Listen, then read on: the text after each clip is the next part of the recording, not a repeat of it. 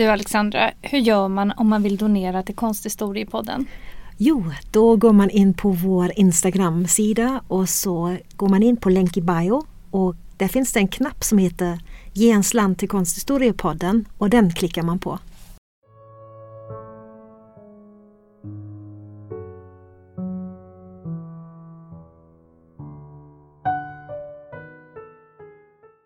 Hej och välkomna till Konsthistoriepodden. Jag heter Alexandra Frid. Och jag heter Alexandra Härlitz och i den här sommarföljetongen får ni följa oss när vi pratar om konstverk som vi tycker om och som vi tycker är intressant att lyfta. Vi diskuterar ju alltid fram vilka verk som vi ska välja att prata om och just idag ska vi prata om ett verk som är högst aktuellt i samband med de senaste händelserna i USA och Black Lives Matter-rörelsen. Vi ska nämligen prata om Irony of Negro Policemen som skapades av den amerikanska konstnären Jean-Michel Basquiat år 1981. Basquiats karriär hade den intensiteten och bestod av det drama som konstnärslegender är gjorda av. Inom en period av bara fem år avancerade han från avhoppad skolelev som drev omkring på gatorna i New York till att vara en etablerad målare vars arbeten var efterfrågade på konstmarknaden. Efter en oerhört framgångsrik tid på åtta år dog han av en överdos i 27-årsåldern som avslutade hans korta och produktiva karriär. När vi pratar om Jean-Michel Basquiats karriär befinner vi oss på 1980-talet, alltså väldigt sent i vår etablerade konsthistoria. Ändå kom Basquiat att vara den första afroamerikanska konstnären som gick till konsthistorien. Det är inte svårt att tänka sig att även hans konst i högsta grad handlade om hans rötter och hudfärg med allt det innebar för människor i USA på 1980-talet och även idag. Men vem var denna konstnär som skulle bli en slags skyltdocka för den amerikanska konsten? Hur blev han den första afroamerikanska konstnären att äntra de stora museerna och vars verk kom att köpas för sju höga belopp av eliten bland filmskådespelare och musiker i USA? Jean-Michel Basquiats föräldrar var första generationens invandrare i New York. Hans mors släkt härstammade från Puerto Rico medan hans far, som var en framgångsrik revisor, var av haitisk börd. Föräldrarna separerade när Basquiat var sju år. Som barn drömde han om att bli författare eller serietecknare. Fadern tog med sig ritpapper hem från kontoret och hans mor tog med honom på museum ibland. Basquiat hade en väldigt nära relation med sin mor som uppmuntrade hans konstnärliga talang desto hårdare träffade det honom då hon blev inlagd på mentalsjukhus när han bara var 11 år. Han blev rebellisk, arg och omplacerades från skola till skola. Slutligen fick han lämna skolan för gott efter att han har hällt en låda med raklödder över rektorn. Född och uppvuxen i Brooklyn och med sin multikulturella bakgrund behärskade Jean-Michel Basquiat ett antal språk, däribland franska, spanska och engelska. Basquiat läste mycket under sin uppväxt. Han läste om mytologi, poesi, historia och kanske speciellt böcker om människokroppens anatomi på de olika språken.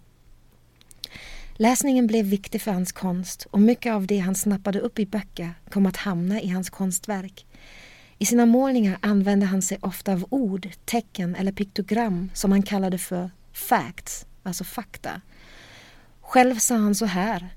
Mina facts hittar jag i böcker saker om sprayflaskor, bluesmusik, metylalkohol, gäss i egyptisk stil. Jag får alla mina inspirationer ur böcker. Vad jag gillar dyker upp i mina målningar, men jag tar inget ansvar för mina facts. 1977 började Jean-Michel Basquiat och hans kompis Al Diaz att spraya och rita graffitikonst med kritor eller penna på byggnaderna i slumkvarteren på södra Manhattan. De skrev bokstäverna S-A-M-O, SAMO, som man kallar för tag i graffitikonsten. SAMO stod för orden same old eller same old shit som man egentligen syftade på. SAMO-projektet avslutades med en epitaf som en slags minnestavla. SAMO is dead, alltså SAMO är död. New York var till stora delar en miserabel plats på 1980-talet och på mitten av årtiondet förstår man, om än motvilligt, att staden måste styras upp. Tunnelbanestationerna och vagnarna var övertäckta av graffiti, kriminaliteten hög, staden började långsamt gentrifieras. Sunkiga hak byttes ut mot vinbarer för yuppies. Hyrorna höjdes och det här skapade svåra tider för familjer med låg inkomst. Discoeran tonades ut och musikstilar som punk och rap spelades från bilstereos. Nattlivet var exceptionellt. Klubbar nere i The East Village och Alphabet City var där man skulle hänga om man var ung, kreativ och ville träffa likasinnade. Hemlöshet blev ett stort problem under 1980-talet.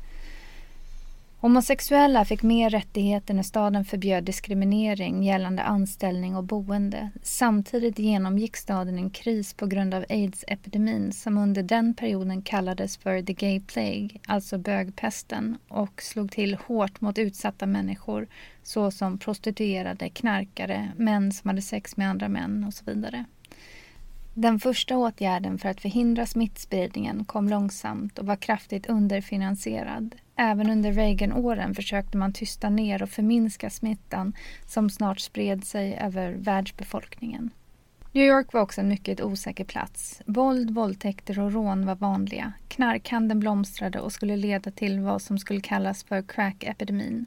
Att åka tunnelbana var farligt på grund av rån och våld. Under 1980-talet skedde fler brott i New Yorks tunnelbana än i något annat tunnelbanesystem i hela världen. Mellan 1984 och 1989 ökade mord som var utförda av afroamerikanska män mellan 14 och 24 år med över 100 procent. Under samma period ökade också dödligheten, födelsetal, vapeninnehav, undernäring av spädbarn och placering av barn i fosterhem i de afroamerikanska samhällena i USA med mellan 20 till 100 procent. 1978 hoppade Basquiat av gymnasiet och stack hemifrån. Han sov på vänners soffor i parker och tog droger. I en intervju berättade han att jag satt bara där på en bänk i Washington Square och tog acid i åtta månader. Nu verkar allt det trist. Det äter upp hjärnan. Han designade motiv på t-shirts och vykort och sålde dessa på Avenue of the Americas på Manhattan. När Basquiat jobbade på affären Unique Clothing Warehouse på Broadway upptäckte grundaren Harvey Russek hans kreativitet och talang och uppmuntrade honom att fortsätta med sina alster. Samma år publicerades hans graffiti i The Village Voice som var den lokala nöjestidningen i New York och därefter började Basquiats karriär lyfta. Snabbt blev han en lokal kändis och tillhörde den blomstrande konstscenen i Manhattans East Village. Han var en regelbunden gäst på en talkshow, TV Party, som visades på en lokal kabelkanal. Det är också under den här perioden som han bildade band med den då helt okände skådespelaren Vincent Gallo.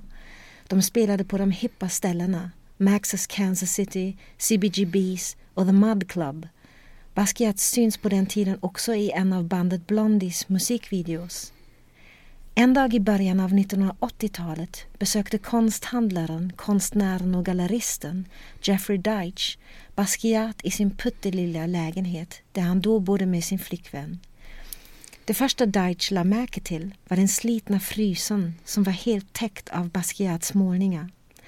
Han berättade senare det var ett av de mest förbluffande konstföremålen jag någonsin sett. Lägenhetens golv var fullt av teckningar i olika storlekar och på många syntes tydligt Basquiats fotavtryck. Deitch berättade att konstnären fortsatte att jobba på, som om besöket störde honom. Deitch valde ut fem teckningar på vitt papper och betalade 250 dollar för dem. Antagligen var detta Basquiats första försäljning av konst. Diego Cortes, som också var med vid Deitchs besök i den sunkiga lägenheten, var en vän som hade agerat manager åt Basquiat. Han satte ihop en utställning som hette New York New Wave på PS1 i Long Island City i Queens. Utställningen visade verk av flera graffitikonstnärer och i skaran utmärkte sig Basquiat som den mest minimalistiska konstnären som visade sina naivistiska teckningar i krita. Kritiker rosade och skrev att Jean-Michel Basquiats verk utmärkte en tydligare koppling till konsthistorien än vad de andra utställande konstnärerna gjorde. Som många barn växte han upp med serieböcker som influerade hans konst. Men man kan också avläsa Picassos inflytande i bilderna. I en intervju sa Basquiat att Picassos målning Guernica hade gjort stort intryck på honom när han såg den som tonåring på Museum of Modern Art för första gången.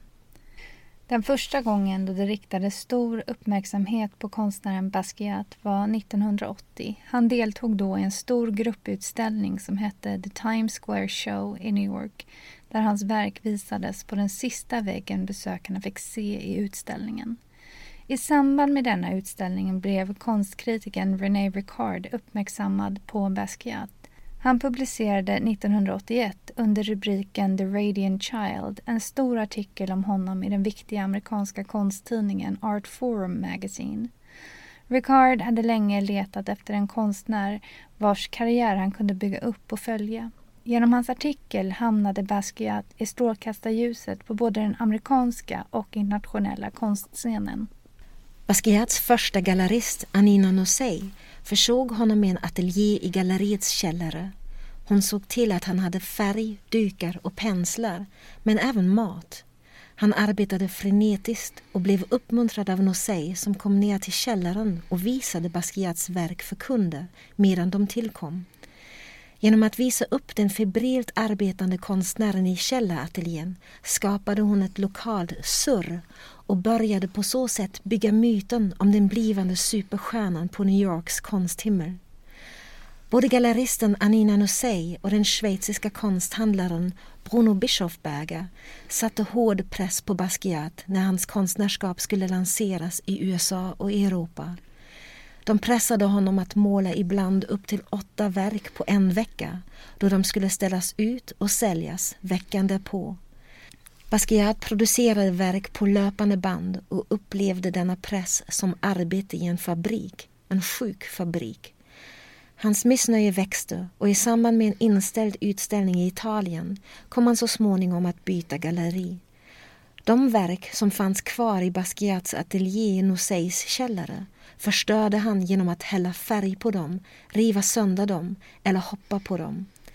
Nosey som såg Basquiats framgångsrika lansering inte minst i Europa, som sin gärning yttrade att Basquiat var otacksam och hela händelsen blev förstås föremål för skvaller inom konstvärlden.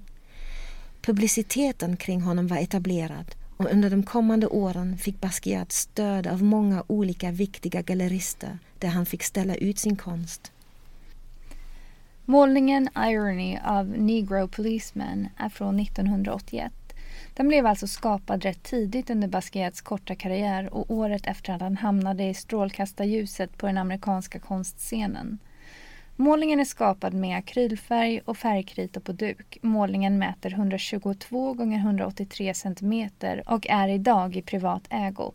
Ur ett vitt lager färg träder en förenklad figur fram som liknar en barnteckning. Figurens kropp är huvudsakligen målad med svart färg men hatten och ansiktet såsom små detaljer på figurens kropp är målade i klara färger, rött, mörkblått, gult och ljusblått som dominerar. Till höger om figuren finns det klottrade linjer och text. Längst uppe bredvid hatten ser vi ordet irony inringat. I ögonhöjd av figuren ser vi orden Irony av Negro PLC MN, alltså den afroamerikanska polismannens ironi, när man lägger till de utelämnade vokalerna i orden Policeman. Längst nere bredvid den vänstra foten ser vi orden Pawn och i parentes Left. Pan kan översättas med spelpjäsen Bonde i schack. Målningen är en blandning av expressionism och naivistisk konst. Hans gestiska och omedelbara sätt att måla har lett till att hans måleri har kategoriserats som neoexpressionism. Irony of Negro Policeman är målad i akrylfärg och med färgkrito på duk. Basquiat brukade använda väldigt många olika medier och tekniker och blandade dessa gärna med varandra. Fred Hoffman, som är konsthandlare, curator och konsthistoriker arbetade under åren 1982 till 84 tätt ihop med Basquiat och publicerade 2017 en omfattande studie av Basquiats konst, hans teman och motiv och hur de kan analyseras och tolkas. Det är hans nära bekantskap med konstnären och hans forskning som har bidragit med mycket kunskap om Basquiats liv och verk. Hoffman har i denna bok beskrivit hur Basquiat gick tillväga i sin kreativa process och varifrån han fick sin inspiration. Han beskriver hur Basquiats teckningar började med både medvetet men även omedvetet betraktande och processande av hans källor. Dessa källor beskrivs som en sammansmältning av hans personliga erfarenheter som slogs ihop med hans ständigt nyfikna engagemang i en mängd av olika teman. Världens historia, mytologi, vetenskaplig data, idrott, musikhistoria och dess personligheter, den mänskliga anatomin och fysiologin, antropologi och icke-västerländska kulturer. Enligt Hoffman var mycket av det som Basquiat intresserade sig för och konsumerade ett resultat av hans erfarenheter som en ung svart man i storstaden. I sin konst lade han ihop teman och referenser och lyckades så att föra över eller förändra dem från sin ursprungliga betydelse eller kontext. Också verket Irony of Negro Policemen reflekterar Basquiats egna erfarenheter. Olika polismotiv dyker ett flertal gånger upp som tema i Basquiats verk. Denna tavla målades 1981. Uppenbarligen hade Basquiat upplevt polisvåld innan denna tavla kom till.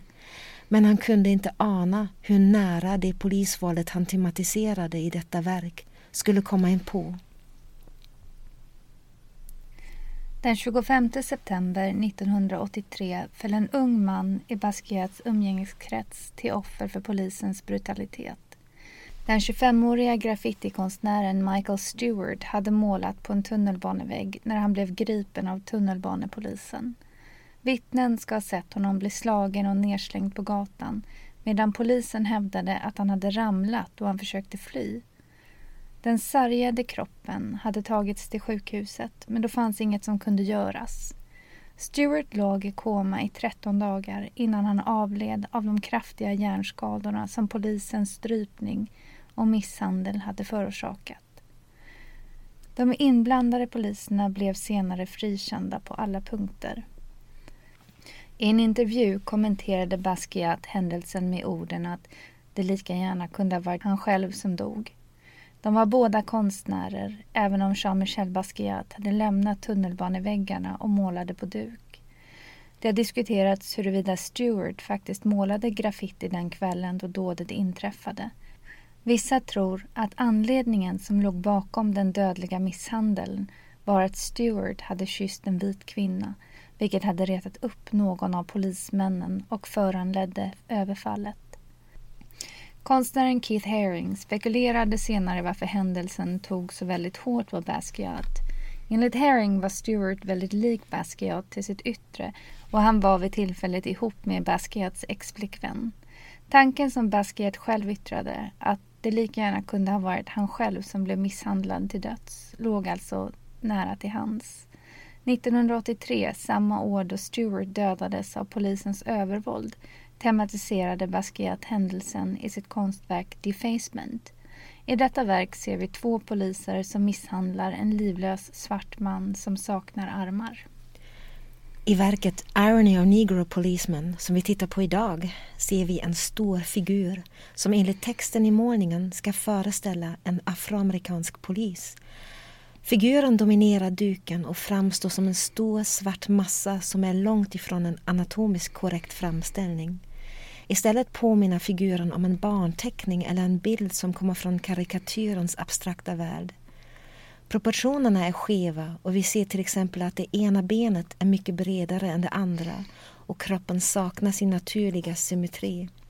Den svarta figuren verkar träda fram ur den vita bakgrunden som omger den och delvis överskär figuren i mitten så att den ser ut att vara mitt i tu. Kroppens konturer är tecknade i vita linjer på den svarta färgen. Exempelvis syns figurens vänstra fot tydligt markerad med alla dess tår. Ansiktet är också markerat genom tydliga konturer i vitt och rött som läggs på det svarta ansiktet med gula ögon och tänder. Många gånger har ansiktet tolkats som en mask samtidigt som, som det påminner om en dödskalle på grund av den triangulära formen som markerar näsan och dess abstraherade tänder. Dödskallen har varit ett återkommande motiv i Basquiats målningar och brukar tolkas som ett slags självporträtt. Det är Basquiats abstraherade sätt att måla den afroamerikanska mannen. Men tankarna att människornas kranier är likadana när de inte längre täcks av hud i olika nyanser ligger nära. Vi är likadana inombords. På huvudet bär figuren en märklig hatt med markerat brätte. I denna hatt och likaså i området runt omkring polisens huvud ser vi linjer som påminner oss om en bur och som ger ansiktet ett inspärrat uttryck. Hatten är inte svart utan består av olika klara färger som är delvis inkapslade i varandra. En del tolkar denna färgglada hatt som inte påminner om en polisuniforms huvudbonad egentligen. Som en detalj som får figuren att framstå som en clown. Till detta passar hans ansikte som har ett lite grovt men samtidigt också fånigt eller enfaldigt uttryck.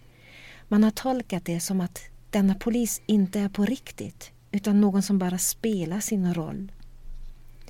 Det finns små färgfält på figurens förenklade överkropp också. Det gula färgfältet till vänster påminner om ett mycket abstraherat polismärke som den amerikanska polisstyrkan bär. Även det ljusblåa fältet kan påminna om detaljerna i en amerikansk polisuniform Exempelvis kan den associeras till den ljusblåa skjortan som ingår i uniformen.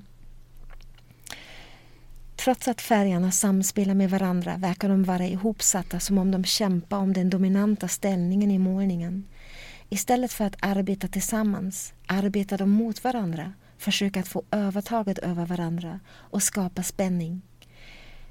Målning har tolkats som en skarp kritik av Basquiat gentemot det amerikanska samhället och statsapparaten.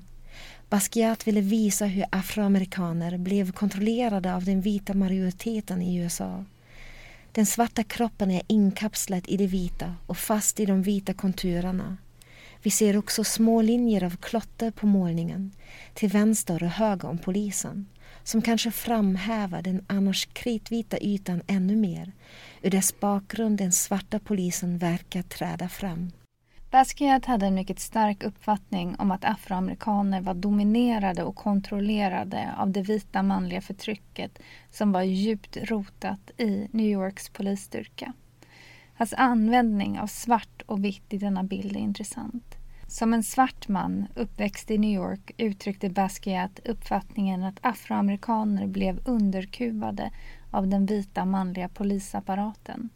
Den svarta kroppen av polisfiguren fyller stora delar av duken. Han borde vara den respektingivande auktoritetsfiguren. Men Basquiat har målat honom mot en ren, vit bakgrund som våra ögon dras till.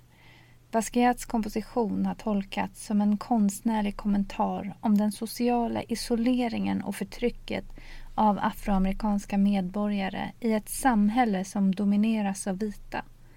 Den svarta polisen inom vita konturer skulle vara en symbol för det hyckleri som Basquiat upplevde. Den svarta polisen kontrolleras av de överlägsna vita polismännen som egentligen har kontrollen. Basquiat såg förekomsten av svarta poliser i USA som en symbolisk gest, som ett byråkratiskt tvång som enbart fanns till för att fylla en kvot. Basquiat ville inte ge utrymme för att bli misstolkad. Han lade till text som ett tydligt statement till bildens retorik. Han använde skriften i sina målningar för att hänvisa till, som han själv sa, saker, händelser eller tillstånd som antingen fanns inuti eller utanför bildrummet. Oftast skrev han på engelska men ibland även på tyska, franska eller spanska. Basquiat satte ihop bild och text utan att särskilja mellan dessa två traditionellt distinkta kommunikationsformer. För Basquiat fanns det ingen skillnad mellan att skriva text eller att rita en bild. Det fanns inga skillnader mellan bild och text, inga skiljelinjer där det ena upphör och det andra börjar. Och det fanns ingen hierarkisk känsla att det ena var viktigare än det andra. Precis som Basquiat blandade olika medier i ett och samma konstverk blandade han även bild och text. Många gånger har man liknat det med graffitikulturen som ju var högst i ropet på gatorna i New York på den tiden då Basquiat var verksam. Basquiat själv förnekade dock att hans verk hade något samband med gatukonsten och graffiti. I en intervju 1986 sa han mitt verk har inget att göra med graffiti. De flesta människorna är helt enkelt rasister och de pratar i all evighet om graffiti trots att jag själv inte ser mig som en graffitikonstnär. De har denna bild av mig. Den vilde på rymmen, den vilde apmänniskan eller vad i helvete de tänker om mig. Samtidigt är sammansättningen av bild och text i måleri en praktik som närmast kan uppfattas som traditionell under 1970 och 80-talet. Text eller enskilda bokstäver och siffror har blivit infogade i bildkonsten sedan början på 1900-talet. Kubister som Georges Braque och Pablo Picasso ritade in bokstäver och siffror eller hela ord i sina tavlor och likaså gjorde futuristerna och dadaisterna. I verket Irony av Negro Policeman konstaterar han titelns ord tydligt på duken. Basquiats ordlek på sidan listar ironi längst uppe vid figurens huvud i något som förefaller som ett litet moln. Nedanför hattens brätte, ungefär vid ögonhöjden, ser vi Irony of Negro Policeman och längst nere vid hans vänstra fot Pan, och Left. Ordet ironi förekommer två gånger i tavlan och uttrycker Basquiats ståndpunkt. Han tyckte det var mycket ironiskt att en afroamerikan skulle vara polis och på så sätt upprätthålla reglerna som hade upprättats av den vita majoriteten. Han föreställde sig hur en svart man kunde vara polis som i sin roll arbetade med att förslava sina afroamerikanska medborgare. Kärnfrågan som målningen lyfter är varför skulle en afroamerikan arbeta för en polisstat som motarbetar afroamerikaner? Denna ironi är också anlagd i figuren. Masken och de linjerna i polisens hatt skapar bilden av en bur. En bur som fängslar polisen. Denna polis är en auktoritär figur men ironiskt nog har han själv ingen auktoritet. I målningen finns också Basquiats kritik gentemot hans afroamerikanska medborgare anlagd. Figurens enfaldiga uttryck skulle representera dumhet av varje afroamerikan som önskade att bli polis. Basquiat menade att man som svart polis medverkade i upprätthållandet av den vita dominansen i en polisapparat som utgick från att vita människor är överlägsna. Det är detta som också är uttryckt i ordet pan som står bredvid figurens fot. Pan är det engelska ordet för spelpjäsen bonde i spelet schack. Det är alltså den spelfiguren som är av lägst värde i spelet. Samtidigt används detta ord i samband då man vill uttrycka att en person används av någon för deras egna syften. Somebody is a pawn in the game, säger man. Uppenbarligen såg Basquiat den afroamerikanska polisen som en pan, en spelfigur, en marionett som manipulerades och användes av den vita polisapparaten. Amerikanska konstkritiker har länge reflekterat över ordvalet och lyft att ordet konnoterar till djurvärlden. Detta har man tolkat som att Basquiat ville göra en poäng av att den vita polisapparaten i USA såg afroamerikaner som inget annat än djur och en slags vara som kan slängas efter förbrukningen. Även den färgglada, buraktiga hatt som spärrar in polisens huvud har tolkats i samma riktning. Basquiat själv sa att denna burhatt skulle representera hur begränsade den oberoende uppfattningen av afroamerikaner var på den tiden. På många sätt visualiseras i målningen tydligt Basquiats uppfattning om den skrattretande positionen som en afroamerikansk polis skulle innebära. Efter Basquiats död 1988 rådde oenighet i bedömningen av hans konstnärskap. Under en period på 1990-talet blev han av många förminskad som en lättviktskonstnär. Museer nedvärderade honom till en överreklamerad sprayburksmålare. Jean-Michel Basquiats livsöde har gestaltats på film och i böcker. 1996 kom filmen Basquiat, den svarte rebellen som regisserades av den amerikanska konstnären och filmmakaren Julian Schnabel. Schnabel tillhörde den generationen konstnärer som var äldre än Basquiat men under vissa perioder tillhörde de samma galleri och ställde ut jämte varandra. Det är svårt att glömma skådespelaren Jeffrey Wrights hjärtskärande porträtt av Basquiat när vi får följa honom genom framgång och ner i fördärvet.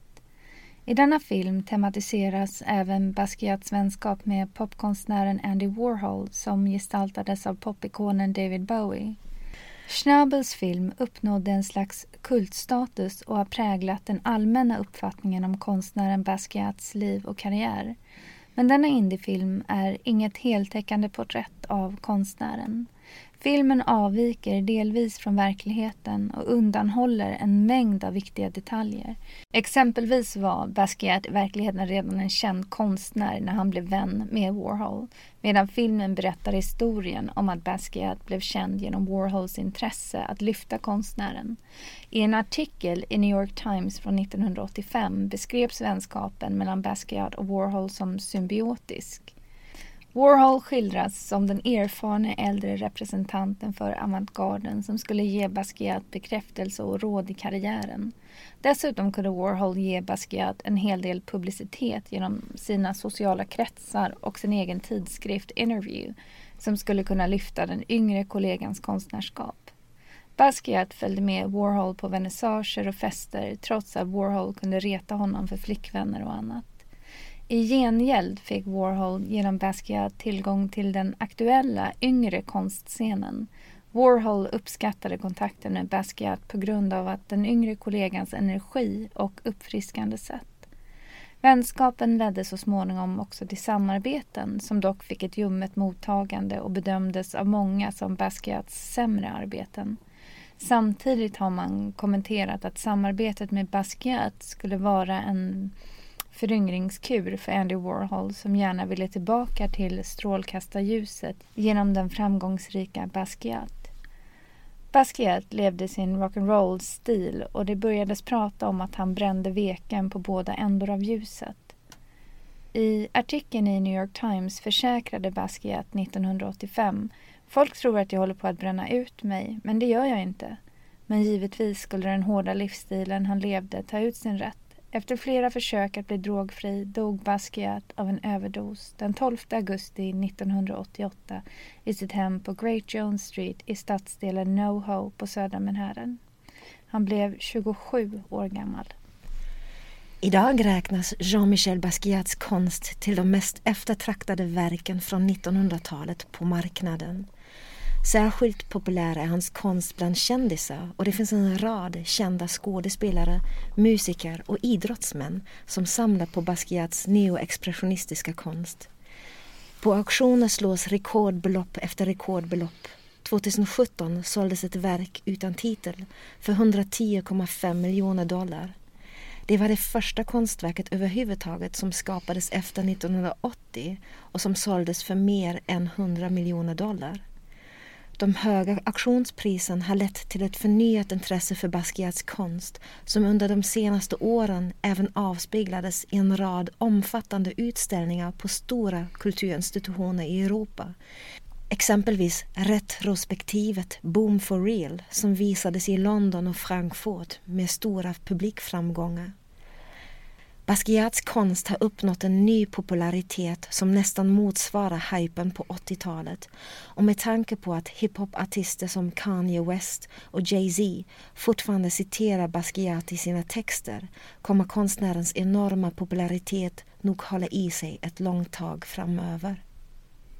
Både Basquiats konstnärliga uttryck och tyvärr även motiven har behållit sin aktualitet detta avsnitt är vårt bidrag att lyfta tematiken som denna sommar engagerat så många människor inom Black Lives Matter-rörelsen. Tack för att ni har lyssnat. Nästa vecka väntar ett nytt avsnitt med ännu ett spännande verk.